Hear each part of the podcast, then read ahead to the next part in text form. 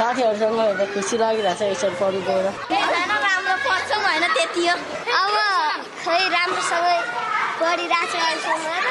उनीहरू थिए काठमाडौँ गोकर्णेश्वर नगरपालिका स्थित श्री अरुणोदय माध्यमिक विद्यालयमा भौतिक रूपमा कक्षा कोठामा अध्ययन गर्न पाउँदा प्रफुल्लित विद्यार्थीहरू।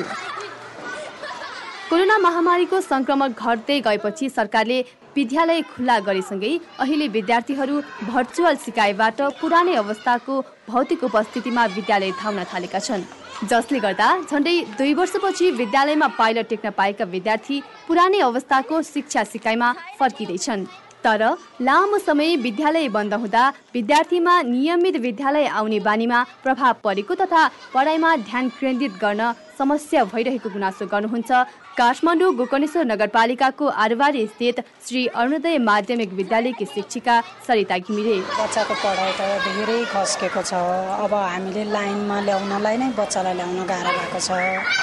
अनलाइन पढाउँदाखेरि र यसरी फिजिकलमा पढाउँदा फरक हुँदो रहेछ होइन? हामीलाई चाहिँ फिजिकल पढाउँदा धेरै राम्रो।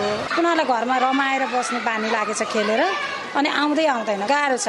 एकदमै विद्यालय सञ्चालनका लागि अनुमति दिएसँगै विद्यालयहरूले विद्यार्थीलाई भौतिक उपस्थितिमा अध्ययनका लागि तयारी थालेका थिए। तर कोरोना संक्रमण घट्दै गए पनि सुरु सुरुमा विद्यालय आउने विद्यार्थीको सङ्ख्या भने बढ्न सकेको थिएन। अहिले पनि सबै विद्यार्थी विद्यालय आउन सकिरहेका छैनन्। विद्यालय आएका विद्यार्थीको शिक्षा सिकाइ र उनीहरूको कमजोरीलाई हेरेर त्यसै अनुरूप पठन पाठन गरिरहेको शिक्षक शिक्षिकाको भनाइ छ। फेरि शिक्षिका घिमिरे। अहिले हामीले यसो गरेका छौँ। अब सुरुमा चाहिँ बच्चाहरूको कतिको इम्प्रुभ भयो भनेर हामीले अब क्लास टेस्ट लियौँ अनि त्यसपछि त्यसैलाई जो कमजोर छ बच्चाहरूलाई तिनीहरूलाई नै मेहनत गराउँदै लगेका छौँ।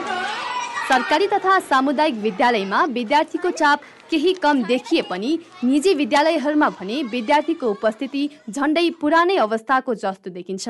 पूर्व प्राथमिक तहका साना नानीहरूमा विद्यालय आउने बानीको विकास गराउन केही समय लाग्ने भए पनि अन्य कक्षामा विद्यार्थी भने निकै उत्साहित भएका छन्। काठमाडौँ दिल्ली बजार स्थित राइजिङ एकाडेमीका प्रधान अध्यापक कुमार भट्टराई उनीहरू त अति उत्सुक छन् अघि कहिले स्कुल जाउँ र पढौँ भन्ने मलाई मानसिकता बोकेर बसेका थिए। अब सानो त्यो प्रि स्कुलहरूका बच्चाहरू चाहिँ अलिकति त्यस्तो किसिमको फिलहरू गर्ने छन् अघि बालबालिका शिक्षक हाम्रा कक्षा कोठा आदि इत्यादि खेल मैदान सबै कुराहरू हामीले तयार गरेर राखेका छौँ जब स्कुल खोल्ने भन्ने बित्तिकै हामीले ती कुराहरूलाई त्योभन्दा अगाडि नै सबै म्यानेज गरिसकेका छौँ। त्यसले गर्दाखेरि प्रभावकारी छ। पछिल्लो दुई वर्षदेखि विश्व कोरोनाको सङ्कटबाट गुज्रिरहेको छ। अझै पनि सङ्कट टरि नसकेको अवस्थामा भौतिक उपस्थितिमा पठन पाठन गर्दा स्वास्थ्य मापदण्डको पालनालाई भने नजरअन्दाज गर्न हुँदैन। हाम्रो जस्तो गरीब देशका जनताले कोरोना विरुद्धको पूर्ण खोप पाउन अझै केही वर्ष लाग्ने भएकाले साना नानीहरूको स्वास्थ्यमा जोखिम उत्पन्न हुन नदिनु अहिलेको आवश्यकता हो। रेडियो क्यान्डिडका लागि निमु शेर्पा।